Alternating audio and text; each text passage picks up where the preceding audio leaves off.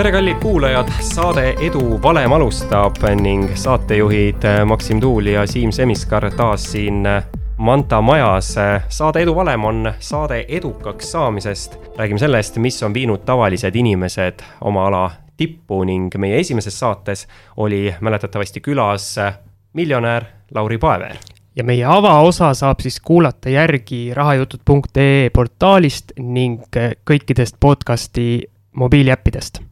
ja meie tänaseks külaliseks siin Manta majas on BNS-i ja Postimehe majandustoimetuse juht Harri Tuul, tere! tere! sinuga räägime täna loomulikult äh, meie saate Edu valem nimest tulenevalt äh, edu aspektidest just äh, juhtimise ja majanduse, võiks öelda võib-olla ka raha seisukohalt, aga ärme alusta nendega, vaid räägime üldse, et milline on sinu taust, räägi natuke endast ütleme siis, et äh, ühel ilusal päeval lõpetasid keskkooli ja mis siis sai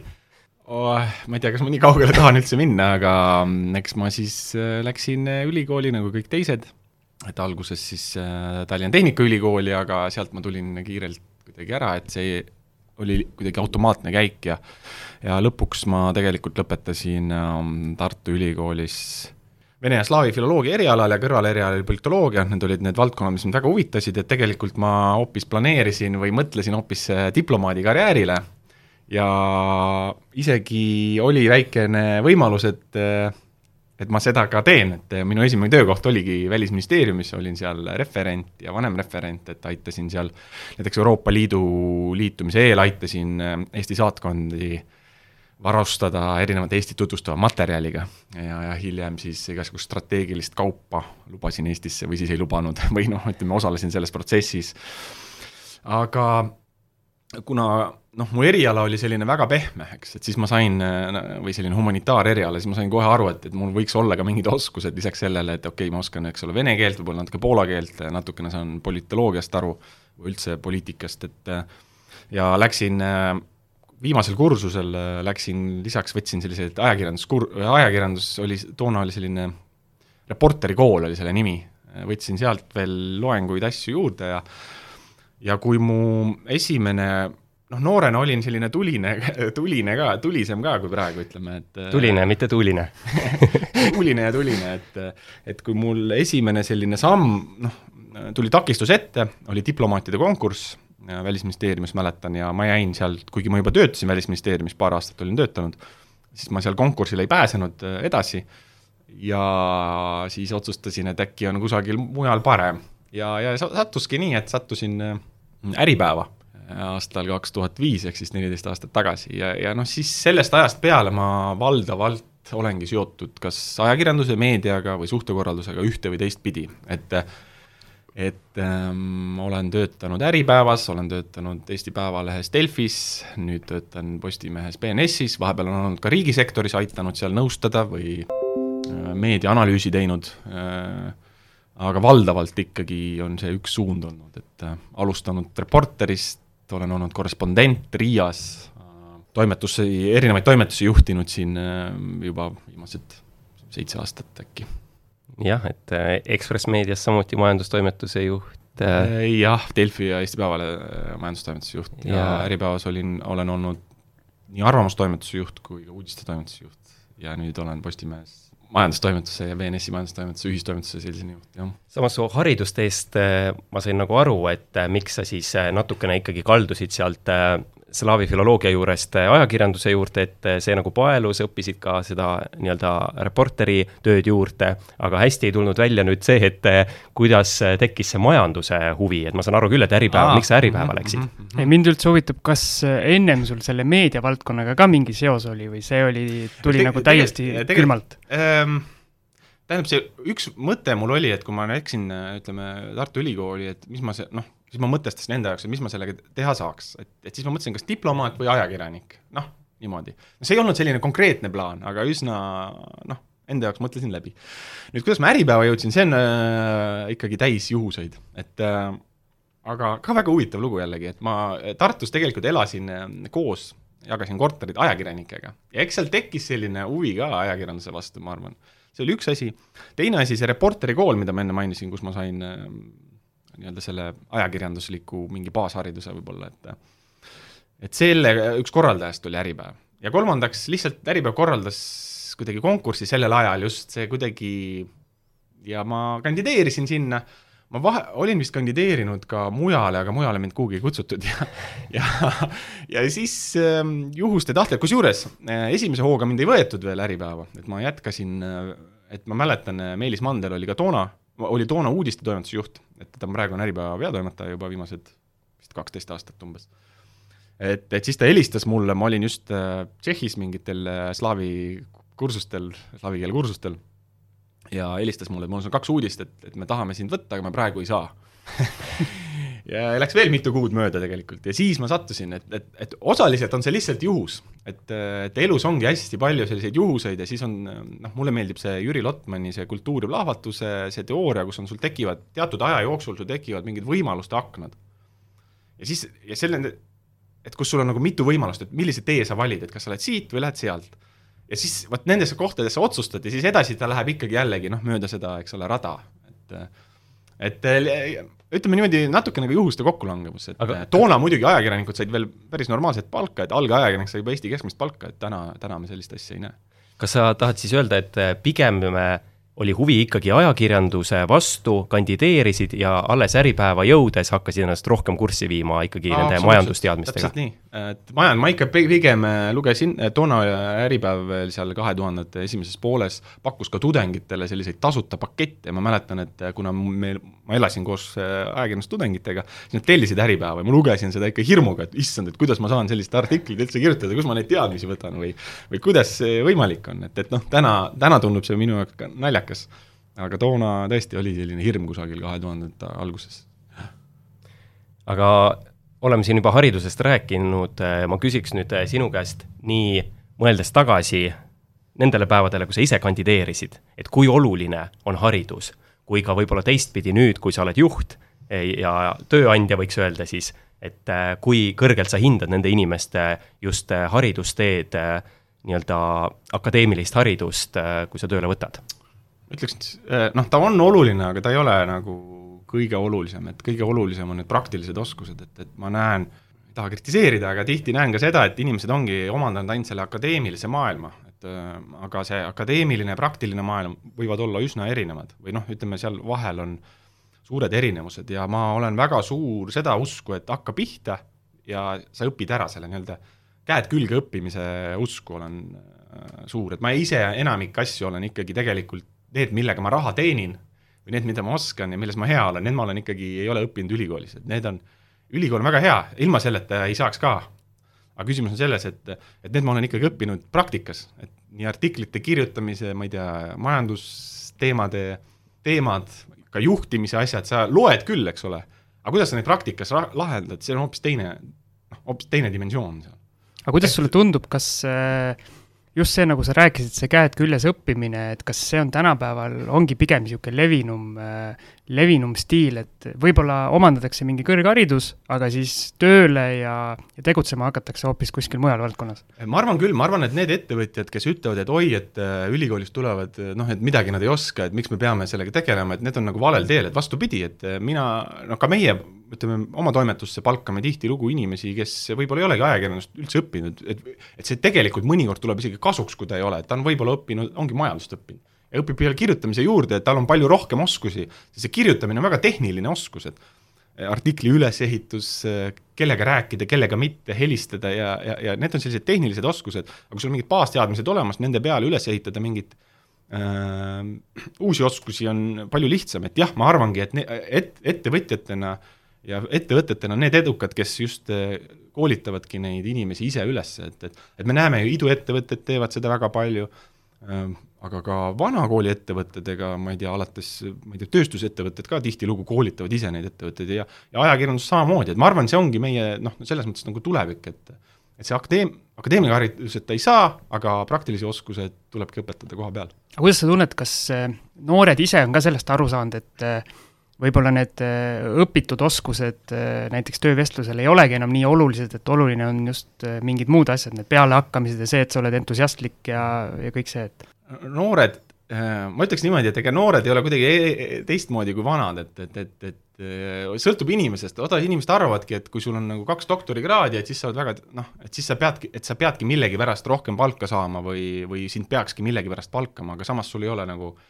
nagu tahtmist või, või sellist just nagu sa ütled, et entusiasmi seda teha, et ega siis noh, siis mul ei ole selle doktorikraadiga ka väga teha, et kui sa seda tööd teha ei taha. ja täpselt vastupidi, et sa võib-olla midagi ei oska, on ju, ja samas sul on tahtmine seda teha, siis ma, ma annan sulle selle võimaluse, et tõesta ja õpi ära see, et see ei ole nii keeruline, et et ma arvan, et see oleneb natuke inimestest, aga ma, aga mulle, mulle endale tundub, et noored on, on küll avatud ja valmis, et, et mul endalgi siin oli eelmine nädalgi paar töövestlust ja nii head kandidaadid olid ausalt öeldes, et pidin neile lausa proovitöö tegema, et ootangi täna tagasisidet ühesõnaga, mina võtaks selle viimase mõne minuti jutu kokku niimoodi, et ikkagi selleks, et äh, edukaks saada või siis esialgu vähemalt töökoht saada, on vaja haridust, aga kindlasti tänapäeval on vaja oskusi. ja nüüd tegelikult äh, ma tahate kommenteerida seda vahepeal? oskusi ka, aga minu arust on see pealehakkamine väga oluline. peale, on selline väljend, pealehakkamine pool võitu, ongi, hakkad peale, et sa tahad proovida, et ega, ega tänapäeval on ka see, et ega sa ei pea ju nelikümmend aastat, noh, kunagi oli üks lugu ajalehes, et üks mees oli nelikümmend aastat trammijuht. et täna sa ei pea, sa võid vahepeal trolliga sõita, bussiga, et piltlikult öeldes, eks ole, vahetada neid suundi. aga kusagilt sa pead alustama ja, ja sul peab olema mingisugunegi huvi selle vastu ja siis sa pead natuke pingutama, et ilma tööta ei tule nagu midagi, et, et, et sellise, sellist asja ei juhtu, et sa tuled, et sa ja siis sa kohe noh, nii-öelda eeldad, et sa saad kohe, oled kohe kuidagi edukas ja kohe saad kohe kõrget palka ja nii edasi, et seda ei juhtu, ma arvan, kunagi aga mulle meeldib üks äh, idee, et ma ei tea, kas sa nüüd äh, nõustud minuga, mida ma olen kuulnud äh, kõrghariduse kohta või üldse haridusteekonna kohta, et võib-olla ka sinu näite puhul on see tegelikult väga õige, et ei ole võib-olla tähtis nii palju, et mida sa õpid ja nagu, kui just tööandja vaatab, vaid see, et see nagu näitab, et sa oled võimeline mingit protsessi lõpule viima ja,. jah, jah, jah. Jah, võib küll nii öelda, et noh teisalt jälle noh, meil on palju näiteid ka, kellel ei ole kõrgharidust ja kes on väga edukad ja ka meedias on mitmed peatoimetajad või või siis üsna edukatel kohtadel olevad inimesed on ilma hariduseta, et noh, see on nii ja naa, et see oleneb inimesest, et võib-olla inimene just jättiski pooleli seetõttu näiteks mingi kõrghariduse omandamise, et ta, et ta pühendus täielikult tööle ja ta tundis, et tal ei ole seda vaja. et ma noh, sellise väga laia joonega on jah, loomulikult nii, et võiks olla haridus ja siis õpid oskusi juurde, aga samas selle sees on alati mingeid erandeid, et me ei saa nagu niimoodi äh, lüüa niimoodi kahte, mitmesse lehte, et no nii, täpselt nii on, et alati on mingid, mingid erandid nii, aga jätkaks äh, võib-olla sinu edulooga, et, äh, et kuidas ikkagi ülikoolist äh, lõpuks on siis, oled jõudnud juhtivale töökohale, et me jõudsime esialgu, et Äripäeva läksid reporteriks, sa ei pea nüüd igapäevatööd meile siin kirjeldama, aga jookseme selles mõttes edasi, et millal või miks sa sealt lahkusid? või said siis teise ametipositsiooni? no eks ma väsisin ära, et võib-olla mingi hetk on see ka, et noorena hästi palju pingutad ja siis äh,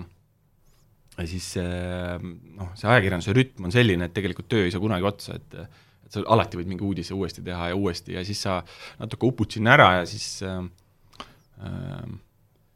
noh, lahkudki sealt, et äh, Äh, ja juhtus siis, ma vahepeal tegin riigisektori heaks niisugust äh, analüütiku tööd ja siis juht, ja siis äh, sattusin hoopis, ähm, olin vahepeal ühes suhtekorraldusfirmas konsultandina tööl, aga noh, see ki-, või selline kirg või armastus ajakirjanduse vastu kuhugi kadunud ja ja siis ma ikkagi jõudsin ajakirjandusse tagasi, et siis otsiti arvamustoimetajat ja, ja, ja kuna siis Äripäev ja siis ühesõnaga mingi hetkel ka see arvamustoimetaja sealt lahkus ja siis kuidagi minust sai juht ja siis me ja, ja noh, pärast seda ongi, olengi olnud kuidagi juhtivatel kohtadel. et ma ei saa öelda, et ma ei oleks kunagi tahtnud juhiks saada, et mul need mõtted on olnud, et ma tegelikult ka käisin lõpetamata kõrgharidusest on see, et käisin ka Tallinna Ülikoolis organisatsiooni käitumist õppimas, mis ongi selline juhtimis, juhtimisele suunatud äh, kursus või magistriõpe, mul jäi küll see magistritöö tegemata, et äh, lõpetamata kõrgharidus, aga selle noh, ütleme need teadmised või sellised psühholoogiast ja, ja grupikäitumisest ja nii edasi, et, et neid ma kasutan, ma arvan, siiamaani, et et aga ikkagi lõpuks, noh lõpuks ta ei olnud mul selline teadlik äh, samm või noh, et ma kogu aeg mingi kümme aastat rabasin, et ma just sellist, seda töökohta just tahan, eks, et see ikka natukene lõpus oli ikkagi juhus, sina kui hästi suure meediakogemusega mees, et ma küsiks hoopis niisugust asja sult, et äh, kuidas sa vaatad selle peale, et äh, viimastel, ütleme, aastatel või aasta, aastakümnel on see meedia täielikult muutumas, et on see, kohutavalt kiiremaks kõik muutunud, et tähtis on see, et kes esimesena mingi asja üles saab, see sisu võib-olla jääb selle tõttu võib-olla kontrollimata, siis samas need meediumid on muutunud, eks me istume siin podcast'i stuudios, teeme kümme aastat tagasi ei teadnud keegi, mis podcast on, et kuidas sa vaatad selle peale, kas sa ise näed seal sees olles, et see nii kiirelt muutub, see valdkond? jaa, loomulikult ta muutub, et äh, samas ütleme niimoodi, et see, need trendid käivad niimoodi ka noh, nagu üles-alla, et praegu ma väga selgelt näen, et maailmas on näha ja, ja ka ma arvan, et ka Eestis see tulevik on see, et et inimesed tahavad maksta või osta või tarbida ikkagi teatud kvaliteediga meediat, et see klikiajastu, see on mingi inertsusega elab Eestis edasi, aga sellel mingit tulevikku ei ole, sest esiteks äh, reklaam veebist on näiteks kadumas äh,, Äh, või juba peaaegu kadunud tänu Facebookile ja nii edasi, sa pead hoopis teistmoodi, sa pead pakkuma tellijale või sellisele maksvale kliendile sisu. ja, ja, ja see on muutumas, et äh, noh, mõned meediamajad Eestis on ees, noh, rohkem arenenud selles suunas, mõned vähem, aga see kiire areng on jällegi noh, ma mõtlengi, et ega see Taxify, me võime rääkida, ma toon natuke teise näite, aga Taxify justkui tohutu revolutsioon, aga noh, lõpuks me sõidame ikka sama autoga, eks, et lõpuks ta on takso, et see on lihtsalt üks vahend. ja samamoodi ma näen, et et see meedia noh, natukene satuti segadusse ja peas läksid, peas läks kõik uduseks silmade ees ja igal pool, et et ei saadud aru, et tegelikult need tooted on ju sarnased, et okei okay,, meil on podcast, ega tegu on sellise pigem nagu taskuraadio taolise asjaga, eks ole, et et sa, et sa ja järjest rohkem inimesed valivad, mis tooteid nad soovivad, eks nagu Netflixis, et sa tellid küll net-, sa, sa valid sealt, eks ole, mingid filmid, et samamoodi ma arvan, et sa valid endale mingid artiklid, mingid saated, et sa ei kuula tervet jaama niisugust lineaarset, vaid sa valid sealt neid tükke. aga need tükid peavad seda paremad olema, eks, et et kui see on kehv tükk, siis see tõenäoliselt ei tule sinna, sa ei, sa järgmine kord ei taha seda enam tarbida, sa ei tule sinna tagasi. ja samas, kui sa jääd, siis sa oled väga väärtuslik, et ma näen seda, et, et need inimesed, et me mitte uusi, kogu aeg uusi nagu äh, kliente nii-öelda või ütleme, lugejaid, kuulajaid, vaatajaid otsida, vaid just kinnistada neid, kes on et see on nagu, see on see nagu tulevik, et samamoodi noh, et eks ole, artiklid, et oli paberis kogu aeg asjad, aga nüüd on veebis. ja, ja tegelikult me tahame jõuda noh, näiteks Postimehes, eks, et et me, et inimesed loeksid, et just tellijad on selline väärtus, mille poole nagu, mida hoida ja, ja kinnistada ja, ja väärtustada. Aga mulle tundub, et kuidagi just Eestis on see üleminek äh, nii valuliselt kuidagi läinud, et see, sellest klikimeediast nagu ei taheta, ei taheta lahti lasta ja see kuidagi elab, elab, elab edasi ja see sisu pool nagu selle võrra kannatab, et äh, ega ükski toimetus ei ole ju kummistet ja lõputute ressurssidega, et äh, sellega ma olen nõus, et, et, et kuidagi noh, ei taheta nagu astuda seda järgmist sammu, et kardetakse, et nad jäävad millestki ilma, et ja mis ongi osaliselt tõsi, et et noh, võidaksegi jääda mingitest, ma ei tea, reklaamlep-, noh, mingist rahalepingutest ilma, aga, aga aga ma arvan, et see samm tuleb mingi hetk niikuinii teha, et nüüd küsimus ongi, et kas nagu jupikaupa seda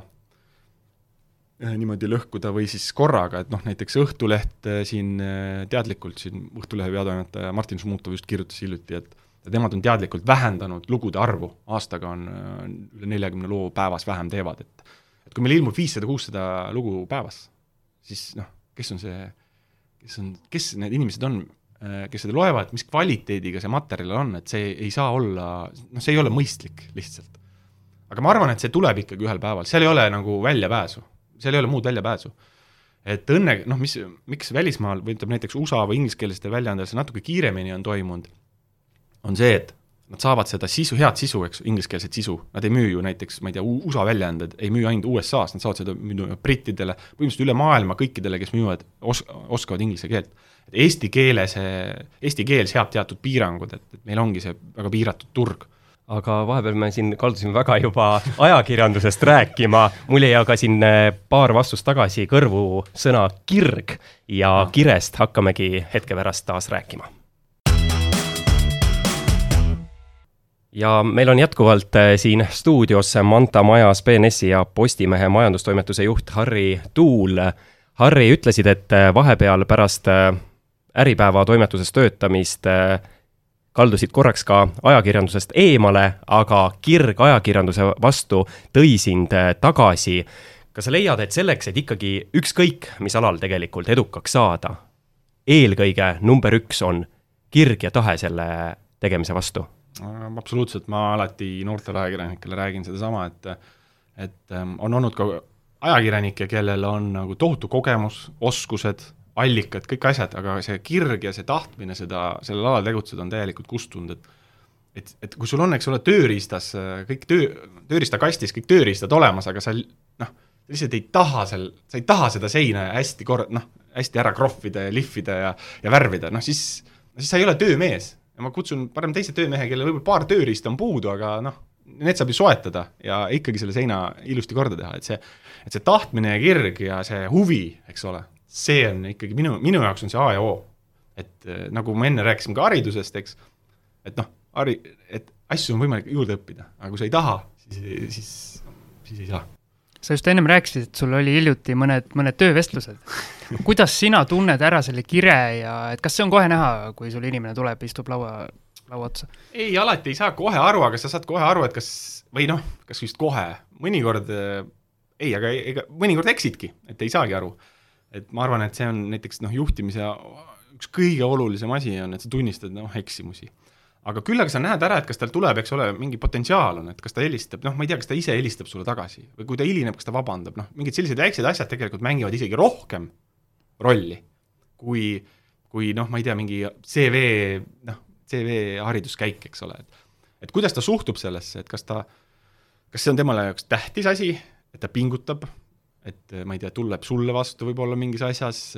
küsib rohkem, eks ole, räägib, võib-olla käib kohe mingi teema välja, on ju, tal on see, et on ja või noh, see, see selline, see noh, jutu käigus see kuidagi tuleb välja, et sa tunnetad selle ära, seepärast on väga oluline mitte alati kohtuda, et et sellise, ma ei, ma ei kujuta ette, kui tehakse mingi virtuaal CV põhjal mingeid otsuseid, ma olen näinud, et personaliosakond mõnikord vaatab lihtsalt CV-sid niimoodi tuimalt, ilma ühegi analüüsita ja nii edasi, ja, ja siis praagib seal mingid välja ja siis ma olen mõnikord sealt välja praagitud CV-dest mõne täitsa huvitava inimese üles leidnud ja ja tänaseks juba konkurendid tahavad neid üles osta, et et selliseid näiteid on ka mul. no üks asi on omada kirge ja tahet, kui sa alustad tööd, aga kuidas seda kirge ja tahet hoida ja kas sa nagu nõustud sellega, et siin ütleme, personalieksperdid ütlevad ju, et põhimõtteliselt kolme kuni viie aasta tagant peaks vahetama töökohta või vähemalt ametipositsiooni, et et kas sa nõustud selle arvamusega ja teisalt kuidas ikkagi kirge hoida? Aastaid, võib-olla aastakümneid? no see ongi, ma arvan, kõige keerulisem küsimus. Ja eks ta ole natukene ka individuaalne, ma arvan, et igaüks noh, et ütleme, kui öeldakse, et võiks vahetada, siis jah, võib-olla niisuguse üldtrendina tasub nagu vahepeal ennast mugavustsoonist lihtsalt nagu välja raputada. aga see ei pruugi kõikide puhul kehtida, noh, mõnel inimesel ongi, ongi mingi igavene motivatsioon, noh, et ei tasu seda nagu nüüd selle, ta ei peaks sellepärast nüüd töökohta vahetama, et et las ta ikka jätkab oma tööd, aga jah, vahel ta tasub ennast natukene raputada. võib-olla teinekord piisab ka, et ajutiselt näiteks noh, ma kujutan ette näiteks kui toimetuse sees, et oled majandusajakirjanik olnud terve aeg, lähed teed spordiajakirjanikku oled vahepeal või noh, mingi teist ala, et võib-olla sul kuue kuuga viskab nagu üle mõte, et kurat, et läheks ikka tagasi sinna, et selline väikene see raputus ikkagi, teine asi on võib-olla ise jälgida aga ma ise olen juhina proovinud seda jälgida just noorte puhul, et noortel ongi mõnikord on kirg on nii suur, et ta poole ööni istub seal või ja nädalavahetustel ja nii edasi, aga see, selle, see alguses töötab, see töötab umbes pool aastat, võib-olla aasta, ja siis on see kumm on nii tühi, sidrun on nii välja pigistatud, et isegi kui tal see kirg on alles, siis ta on lihtsalt nii väike leek ja nii ära kustunud, ta lihtsalt ei jaksa seda üleval hoida. ja siis võib-olla lähebki mingi aeg mööda ja siis ta tunneb, et see tegelikult, see kirg on alles, aga ta on nagu kuskil kivi sisse ära vajunud, et et see on jällegi kuidagi noh, tasub seda jälgida, see on väga oluline ülesanne just juhtide puhul, et ähm, aga ega see kirg, noh, kirg ma ei mõtle ka midagi sellist, et noh, ta, ta võiks kasvada, ütleme, armastuseks selle vastu, et ma olengi selle alal proff, et äh, olen selle vas-, selle ala tugev asjatundja, et võib-olla noh, et see ongi minu kutsumuseks, kutsumuseks. alguses võib-olla ongi nagu kireks ja noh, nagu armastuslugudes ma küsiks äh, veidi sinna suunas, et äh, sa räägid sellest kirest, et see kireleek, kui tähtis on, et seda kireleeki motiveeriva rahaga või töötasuga nagu kogu aeg siis üleval hoitaks? jällegi hea, selline äh, mitmeplaaniline küsimus, et mulle meeldib see palgainfoagentuuri asutaja-juht Kadri Seeder ütleb, et noh, et ilma palgata noh, et noh, et palk on ikkagi väga oluline. et siin, ma arvan, siin ei ole mingi kahtlust, et see on niisugune hügieenifaktor mõnes mõttes, et ja, ja, ja noh, nagu Tammsaare ütles, et ainult diletandid töötavad tasuta, ehk siis noh, et kui sa tahad professionaalset inimest, kes areneks paremaks, et sa pead talle korralikku palka maksma. aga noh, loomulikult, et mingil hetkel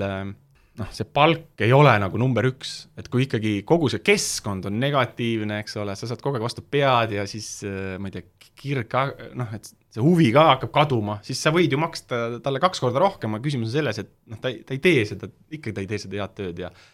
ja ikka ole motiveeritud, et see ainult rahast, see ka ei sõltu, et mul endal on näiteks kogemused üsna äh, noh, ütleme alati on see küsimus ülesostmisest, eks, et teinekord satud äh, väga hea inimese peale, ta on rahulolematu oma ettevõttes ja sa ei peagi talle võib-olla väga palju juurde maksma, sa pakud talle sellist head keskkonda ja, ja, ja ta tuleb hoopis sinu tiimi tööle, et äh, ka selliseid näiteid on. aga kui palju on sul selliseid kogemusi olnud, kus äh, inimese peamiseks motivaatoriks ongi just see palk, et kui ta saab head palka, siis ta on ka motiveeritud seda tööd hästi tegema? või niipidi need asjad nagu päris ei käi? ma vist, ma ei oska ühtegi sellist näidet ausalt öeldes tuua, et, et pigem olen ikka näinud, et vaat-, avastan järsku, et või noh, ütleme, kuna ma olen juhi, juhina olnud mitmes organisatsioonis, nagu tulnud uue inimesena ja siis olen avastanud, et näiteks mingi inimene teenib noh, meeletut palka ja siis ma mõtlen tema tööpanusele ja siis ma noh, kakun juukseid põhimõtteliselt, kuidas see üldse võimalik on, et et pigem on ikkagi, selliseid näiteid on ikkagi rohkem,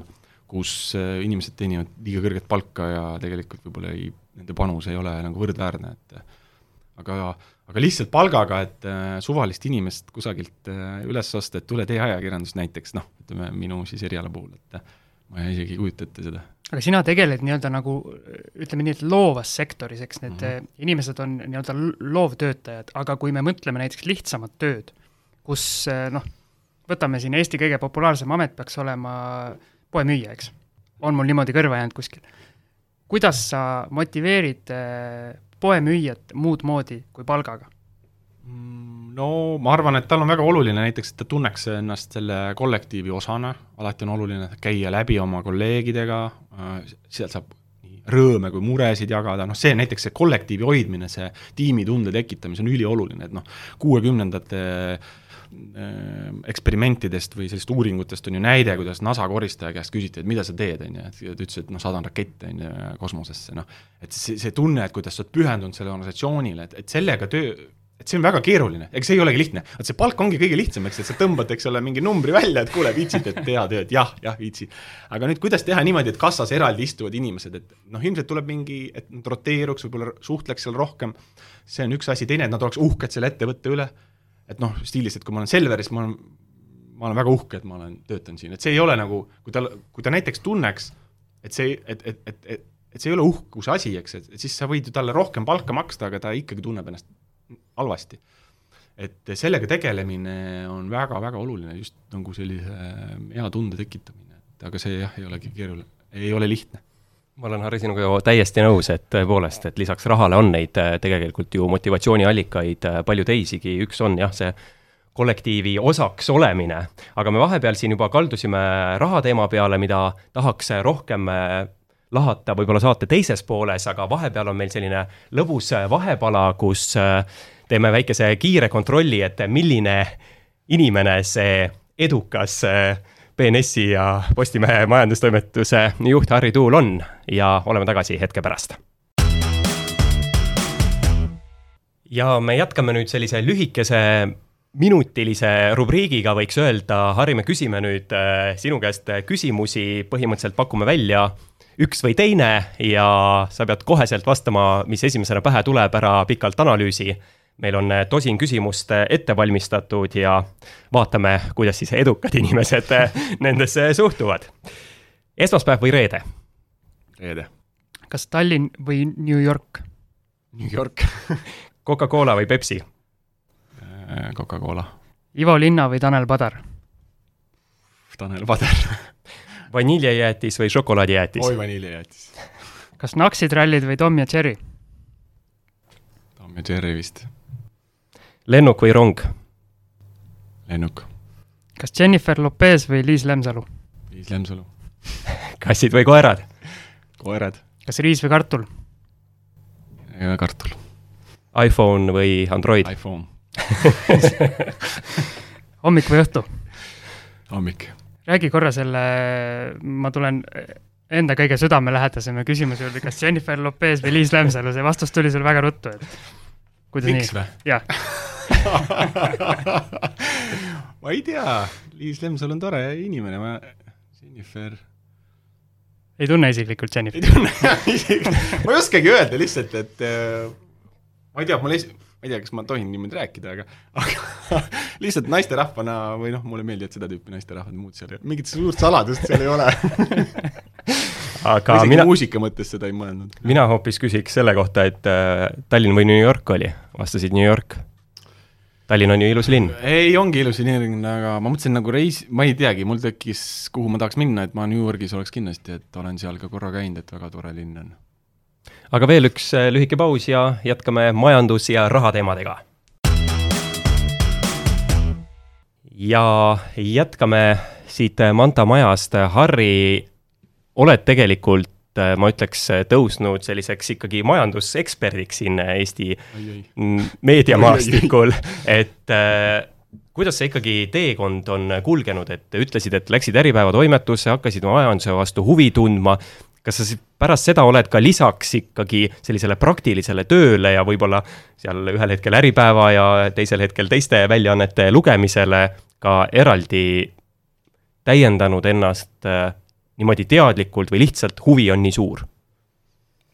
no mis seda tähendab eraldi nii-öelda no läinud raamatukokku ja ei, laenutanud mingi raamatukogus ma ei ole käinud, et eks ma olen ikka sirvinud mingeid raamatuid, olen, ma ei tea, vaadanud mingeid filme, olen käinud mingitel konverentsidel, lugenud väga palju erinevaid artikleid, mis on ilmunud meedias meil ja mujal, eks, et ja, ja, ja inimestega väga palju suhelnud, et, et see ajakirjaniku töö on paljuski ju lugude jutustamine, mitte niivõrd see noh, ütleme mingisugune numbrite tagaajamine, et need on mingid lood, ettevõtjate lood, majanduslood,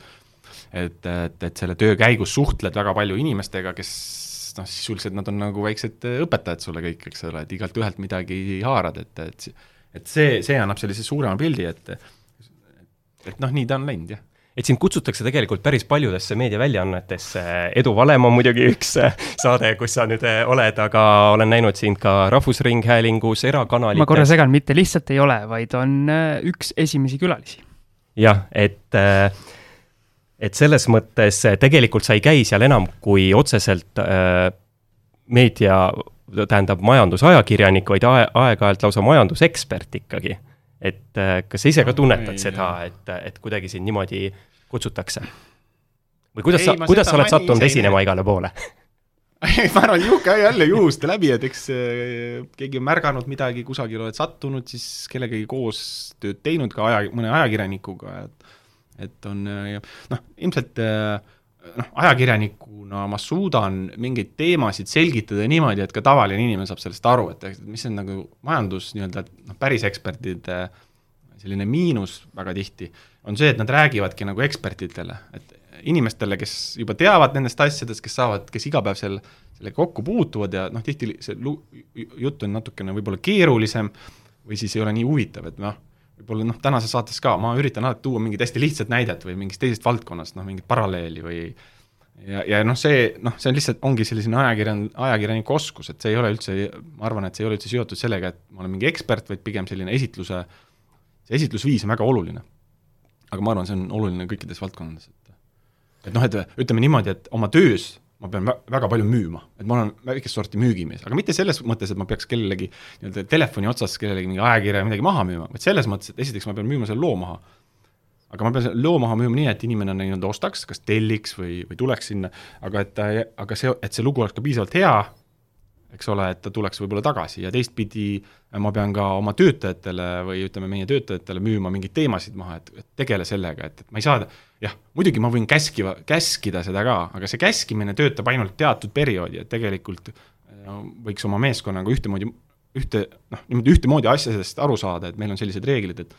et noh, see müümine toimub alati selles mõttes toimib paremini, selline, paned mingi idee idanema, mingi hetk inimesed hakkavad niimoodi käituma. et äh, selline nii-öelda varjatud äh, mõjutamine. aga ma hakkakski nüüd äh, rääkima siin rahast, et me siin globaalset majandust ja peenete terminitega lahkama ei hakka, aga rahast on hea rääkida nii-öelda majanduseksperdiga ja ka rahajutud.ee peatoimetajaga ja küsiks äh, võib-olla isegi alustuseks siin teilt mõlemalt, et, et kuidas olla majanduslikult edukas või mida see üldse tähendab, kas see tähendab äh, suurt palka, palju sääste, mis sa arvad, Harri? jaa jah. jällegi, et äh, see on hästi individuaalne, et viimasel ajal, no ma toon võib-olla siin sellise teema, mida viim-, on vähem räägitud, et noh, näiteks Äripäevas on viimastel aastatel hästi palju äh, kirjutatud sellest, et on, eks ole, finantsvabadusest ja need on nagu inimesed, kes panevad äh, palga kõrvalt mingeid väikseid summasid või suuremaid summasid kõrvale, eks et noh, ja siis selle kõrval me oleme täiesti ära unustanud, et on mingid ettevõtjad, on ju, noh, ma ei tea, näiteks Kristjan Rahu, eks, kes ehitas üles Utilitasse, ta võttis kakssada seitsekümmend milli välja. et äh, noh, ei olegi võib-olla vaja kogu aeg igast palgast äh, kõrvale panna, et neid viise, kuidas nii-öelda saada majanduslikult vabaks, on väga mitmeid, et üks kindlasti on ettevõtlus ja kuidagi on langenud isegi natukene nagu tagaplaanile kohati, et et edukas, aga jällegi noh, aga noh, aga samas me teame, et igas ühiskonnas on teatud protsent inimesi, kes nagu saavad olla ettevõtjad või noh, kes on ettevõtjad ja, ja teised inimesed ongi nagu palgatöötajad ja see on ka täiesti fine või noh, täiesti normaalne, et et, et sellist olukorda, et kõik on ettevõtjad, noh, ei saa ka olla, eks, et või noh, siis peaks me, siis me peaksime ka kogu selle noh, teoreetiliselt saab, näiteks kõik on FIE-d või aga see oleks hoopis teine maailm, et et ähm, igal inimesel on nagu omad oskused, et ja teisel võib-olla ei kulugi midagi, et noh, on, on ju niisugused ökoinimesed nüüd, kes äh, hoopis räägivad minimalismist, noh, ma arvan ka, nad on majanduslikult selles mõttes edukad, ega neil millestki puudus neil ei ole, et et pigem äh, majanduslikult ebaedukad inimesed on tõenäoliselt pigem äh, need, kes võib-olla ei oska majandada väga hästi oma, oma vahendeid ja on nagu reaalselt kogu aeg hädas, et ma just natuke arendaks seda sinu mõtet edasi, et minule näiteks just meeldib, et viimasel ajal on äh, kuidagi meediapilti pääsenud eh, need nii-öelda need lihtsad inimesed, vaata, sest kui tavainimene loeb ja ta loeb Urmas Sõõrumaa tegemistest või siis sellest samast Kristjan Rahust, siis tema jaoks needsamad, need kakssada seitsekümmend miljonit dividendidena välja võtta või müügist, see tundub nii hoomamatu, et tema jaoks see number, see nagu ei kliki. aga kui keegi tema kõrvalt nagu räägib, et näed, et ma panen iga kuu, ma ei tea, viiskümmend, sada, kakssada eurot kõrvale, see tundub nagu reaalne, selles mõttes igal inimesel tuleb kindlasti teha mingid, mingid sammud selles suunas, aga see tundub reaalne jaa, ma olen nõus, aga jah, ma olen sellega nõus, et see on väga hea. aga samasugused väiksed inimesed alustavad ka näiteks väikest pagaritooda või mingit väikest õlle tootmist ja siis kasvab selle suuremaks, eks ole, äriks, et noh, selliseid näiteid või noh, ka ega need idufirmad ei ole, TransferWise on mis viis aastat vana või, et miljardifirma, eks, et alustasid seal lihtsalt, ise programmeerisid mingeid asju, et noh, ma, ma programmeerimises kõige tugevam ei ole, aga aga jah, et noh, selles mõttes, et ma ütlengi, see ongi erinev, et eh, igaüks eh, vaatab nagu noh, enda järgi, et aga et sellest, et selles mõttes, et mis on edukas, on nagu raskem mõõta, kui väga selgemalt on, mis on ebaedukas, on ju, et kui sa ei tule ikkagi toime ja sa ei suuda endale tulusid tekitada, sul on ainult kulud ja neid sa ka ei suuda ho-, noh, nii-öelda jagada, et sul lihtsalt kuidagi palgapäev ja sul kõik on ära kulunud, noh, see on ilmselgelt ebaedukas. Et siis siin ei ole midagi vaielda, noh. ühesõnaga, me võime öelda, et eh, finantsiliselt edukas on juba inimene, kes ma arvan küll. niisuguse majandab ära kuust kuusse ja jah, tavalise finantskäitumisega ei ja. pane nagu suured pange, et elab kas või siis eh, nii-öelda nulli ennast rahulikult ja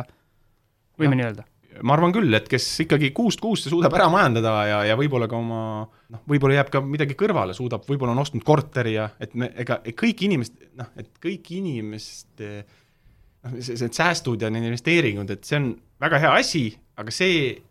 aga, aga tegelikult on ju, oled juba edukas siis, kui sa kõik suudad oma elu nagu elada nii, et sa ei nõu-, et sul ei ole vaja, ma ei tea, kellegi riigi abi või kellegi abi, et sa saad iseseisvalt hakkama, minu arust see on väga suur asi, mida me nagu mõnikord nagu unustame ära nagu, sest et on väga palju inimesi, kes ei saa iseseisvalt hakkama, iseseisvalt hakkama, et noh, kui ma mõtlen Eesti peale, mis võiks olla see eesmärk, noh näiteks uus selline suur eesmärk Eestile, ma olen mõelnud, et võikski olla ju, et et iga Eesti inimene saab ise hakkama. Et majanduslikult noh, et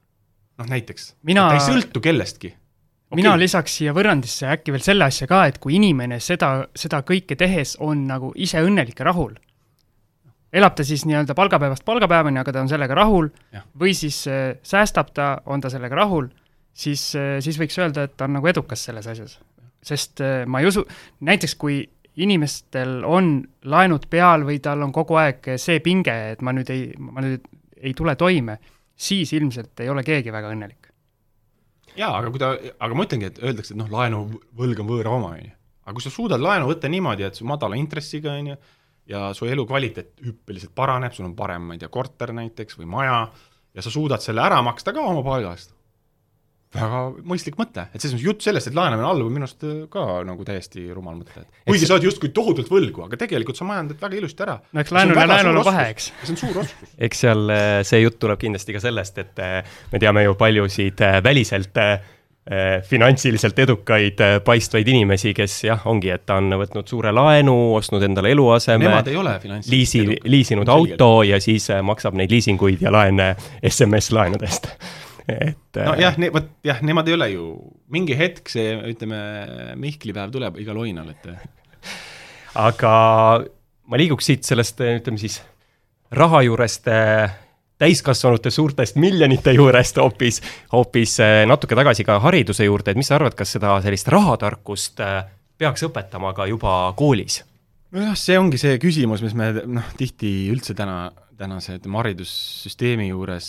küsitakse, et noh, et meil on palju igasuguseid noh, tuubime seal valemeid, asju, et aga kas me, kui palju meil võiks praktilisi oskusi olla, noh näiteks toidu tegemine on teine asi, eks. et loomulikult võiks olla, et raha, et mis asi on intress, kuigi see on ikkagi nii keeruline, et ma arvan, et enamik inimesi ei saa aru, aga aga noh, kuidas, kust raha tuleb, eks ole, et ei tule raha automaadist, et ei tule riigieelarvest, et keegi teeb tööd ja siis tekib raha, noh selliseid elementaarseid asju võiks, võiks läbi, üle käia küll, kuigi ma arvan, et me ei saa kõiki asju kooli ette, et vanematel on ka mingi oma roll selles alati. aga samamoodi toit, noh, toidu tegemine, eks, et õpime seal mingi, ma ei teagi äh,, haamri tegemist, noh, andke andeks, noh, kes see tänapäeval haamrit teeb endale enam? aga süüa võiks osata ise teha, noh, mitte käia, noh, see on, ma arvan, väga hea oskus. ja sa, teha vahet, et mis on poolfabrikaat, mis on fabrikaat, mis on päris toit, eks ole, noh, sellised, sellistest asjadest noh, väga ei räägita, et noh, neid oskusi, niisuguseid praktilisemaid asju võiks tuua kindlasti, noh minu jaoks on ka see väga nagu niisugune, ütleme, ütleme siis terav teema, et ma mäletan väga hästi, kuidas pärast keskkooli mingi hetk mina võtsin eh, oma esimese kodulaenu ja hakkasin endale kodu ostma. Ja kogu see asjatoimetus ja bürokraatia ja kõik see, siis ütleme ausalt, et eh, seal oleks, kui keegi oleks tahtnud, oleks mul võinud viis korda naha üle kõrvade tõmmata, sest mul lihtsalt puudusid teadmised. et selliseid asju kas või see, et kuidas maksta oma elektriarvet, kui sul on oma kodu esimest korda ja ja või siis mingid, mingid näite, kuhu sa pead teatama, kõik noh, need tunduvad tegelikult nagu lihtsad asjad, aga esialgu, kui need sul esimest korda peale kukuvad kõik korraga, siis see, see võib mõnel jalad alt ära küll lüüa, ma usun. noh, võib muidugi noh, vanematega noh, ütleme koolis võiks ka, ma ei tea, seal mingi kursuse raames läbi käia need asjad, noh, kuidas on, et me saadame nagu inimestele, anname täiskasvanud, hoiame neid keskkoolis, sunniviisiliselt hoiame neid koolis, eks ole, kõigil on kohustuslik, aga me ei anna neile nagu teadmisi, mis tegelikult ülivajalikud, noh. ütleme isegi mitte teadmised, vaid niisugused praktilised oskused. seda praktilisi, praktiliste oskuste tase on minu arust nagu kuidagi noh, teeb mulle muret, ütleme nii, ma ei, ma ei julge öelda, et ta langenud on, aga noh, ütleme, teeb muret. ja mulle tundub see, et äh, väga paljud inimesed ikkagi räägivad, kuidas just sellest kooliajast, et äh, väga suurt protsenti teadmisi mitte kunagi sisuliselt vaja ei lähe, et ongi see, et sa nii-öelda kasutad sealt midagi väga spetsiifilist, eks, aga miskipärast tahetakse meil kõik need õpilased justkui nagu ühest sellest šabloonist läbi lasta, kõik tuleks ühesugused, et äh, aga ma saan aru, et viimastel aasta, aastatel on ikkagi see asi nagu vähe niisugusemaks individuaalsemaks muutunud või? Kuidas teil tunne? trendid vist on, et aga noh, seda võiks jälle rohkem olla, noh, tea, mingi aja, aine majandamine, kuidas kodu majandada, ma ei tea, lihtsad asjad, kuidas lepingut sõlmida. just. miks, kui põhikooli lõpetanu või kellel on, või ütleme, keskkooli lõpetanu kindlasti, kellel on täis, kellel on täis, täisealise inimese õigused, noh, elementaarseid äh, lepingu sõlmimise oskusi ei ole, noh, selline näide, noh aga sa mainisid ka lapsevanemaid, et äh, oled ka ise lapsevanem, et äh, millal alustasid või, või kui palju ise sellist rahatarkust lastele õpetad? Palju sul no. lapsed lepinguid sõlminud ei no ma ikka, ikka räägi, räägin jah, et ma olen oma investeeringutest rääkinud, raha kulutamisest, raha väärtusest, et ei noh, et igal asjal on hind, eks, et äh, võib-olla noh, kohati ka lähed nagu ka teisele poole äärmusesse, et noh, mingid asjad on ka noh, mingitel asjadel teatud asjade hind ei ole rahas mõõdetav, eks, et kui sul on vaja mingeid asju, siis sa pead selle muretsema vaatamata sellele Äh, mis ta hind on, aga noh, selliseid asju ikka räägid kogu aeg, et see ei, see ei ole niimoodi, niimoodi, et sa kogud lapsed kokku, niimoodi, siis paned mingi tahvli ja siis hakkad seletama seal, eks, et see on hästi jälle läbi praktika, et lähed poodi, näitad, vaata, seda me ei osta praegu, sest et see praegu kallis, et ostame, aga näed, see on praegu mul soo-, noh, ma ei tea, näiteks shoppamise kursus, noh, selles mõttes, et see toode, mida me tarbime, noh, stiilis, täna on odav, ta seisab, ma ostan viis pakki. aga seda ma täna ei osta, sest seal ei ole soodukat, aga meil on kolm pakki veel kodus ka, noh, stiilis selline, lihtsad asjad, aga tunduvad lihtsad asjad, aga tegelikult noh, ma mäletan ülikoolis üks vend käis iga päev poes, noh, et kui ma mõtlesin, et noh, mis selle, esiteks ajakulu, see, kõik see ressursikulu, et noh, mille jaoks, et mõtle natuke läbi, on ju. ma ei mõtle ka seda, et iga, noh, kellel on väga palju aega, noh, need käivadki mööda poodi, ostavad seal ainult neid soodustooteid, no see on ka hullus ju, see, see see kulutatud aeg ja, ja ma ei tea, võib-olla kütuse või ma ei tea, mis rahad, et see on ka hullus, aga noh, niisuguste väikeste sammudega. ja investeeringutest, noh, no okei okay,, ühel lapsel on huvi, teisel ei ole, ühega räägin nagu võib-olla natuke pikemalt, et eh, kuidas see väärtus seal aktsiates või tekib, et äh, ikka olen rääkinud, et, et, et noh, see käib selliste väikeste, nagu jooksvalt nii-öelda, ise tehes püüad selgitada, miks sa seda või miks sa käitusid nii või miks sa käitusid naa.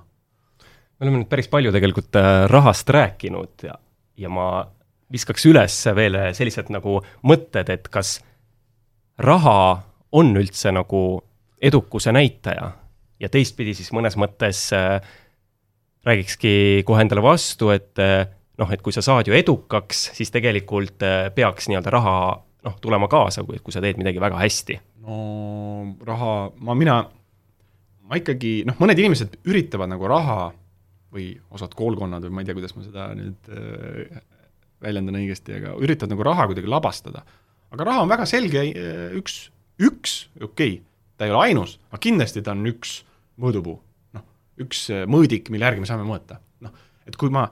kui ma töö juures ikka viis aastat või kümme aastat palka juurde ei saa, no midagi on nagu äkki ma, no siis see, see inflatsioon on selle ära söönud, miks mul ei tõsteta palka, kas mind ei, kas, kas mina teen midagi halvasti või see firma on nagu äh, rumal, et noh, et, et, et et näiteks selline lihtne näide, aga siis sa pead küsima seda firma juhilt, kuule, et miks ma ei saa. aga sa ei ole tegelikult hea töötaja, sa nagu umbes täidad augu ära, noh. Et siis järelikult sa oled midagi valesti teinud, aga see raha mõõdik, palganumber näiteks, annab sulle ju mingisuguse indikatsiooni. ja, ja, ja noh, ikkagi noh aga ta, noh, tõsi on see, et eks kui sa saad paremaks, siis tegelikult ka see keskkond on sunnitud sulle näiteks noh, palga mõttes noh, ütleme, konkurent üritab üles osta, et see palk tu-, hakkab ka liikuma, et et see edukus, et noh, et nad on omavahel seotud, aga palk või see, ütleme, raha on kindlasti üks mõõdupuu, et ega ilma rahata meie ühiskonnas ei ole võimalik, loomulikult võib teenuseid vahetada ka ilma rahata kuidagi, et ma parandan sul katuse, sina mul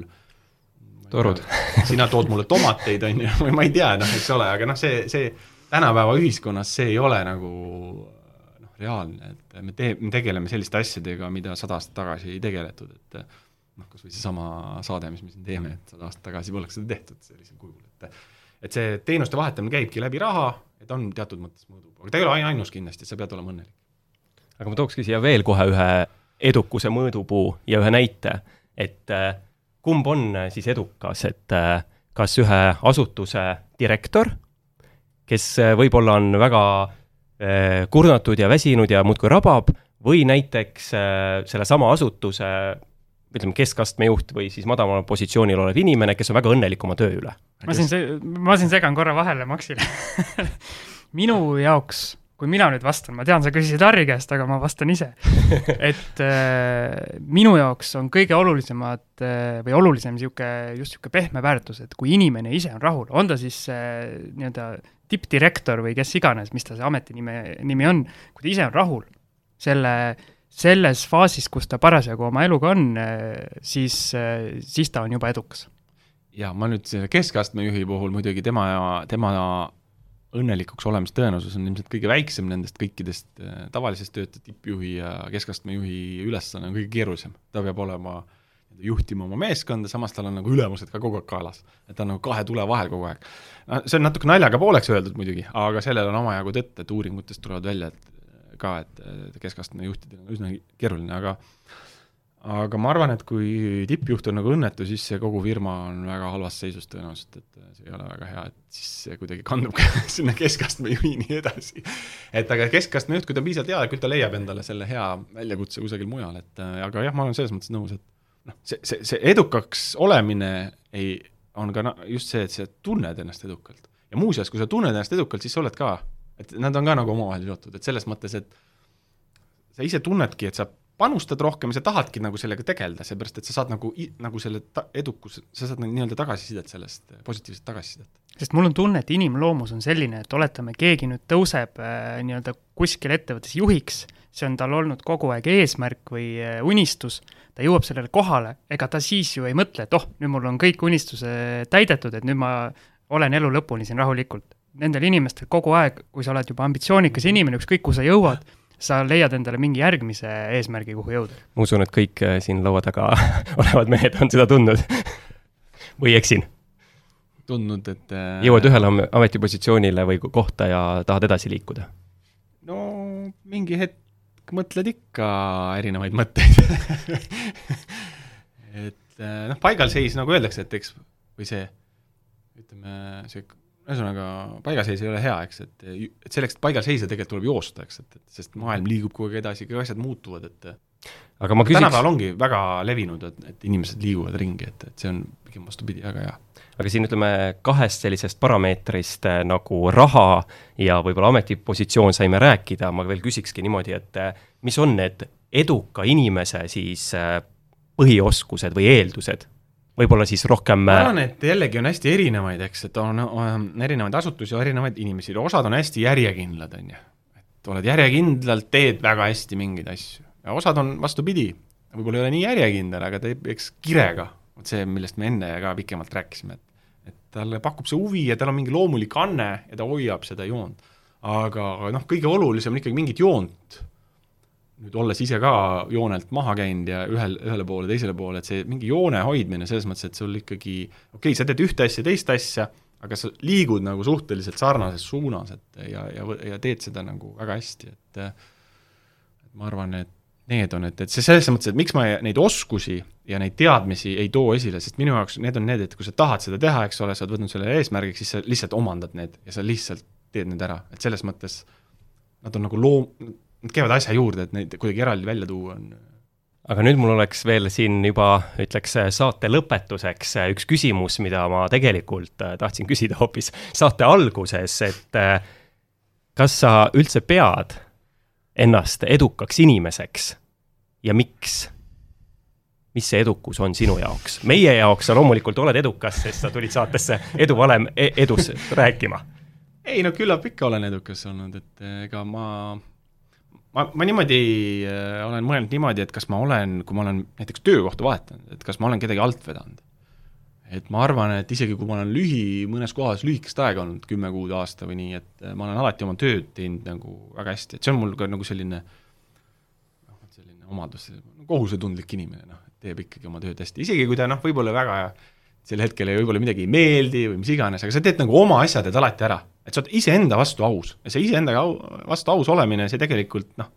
aitab sind eh, minu arust edasi, et ja noh, see juhuste tahtel on ka no kuidagi ametitega nagu tegelikult vedanud, et väga huvitavaid eh, asju olen teinud, et, et ma kui ma mingi raamatu kirjutaks kunagi või võtaks kokku kõik need juhtumid erinevatest valdkondadest, see oleks väga põnev asi, et et edukas ja, ja, ja edukas ähm, olemine minu hinnangul eeldab ka muidugi seda, et sa oled mõnikord ebaedukas, et sa eksid,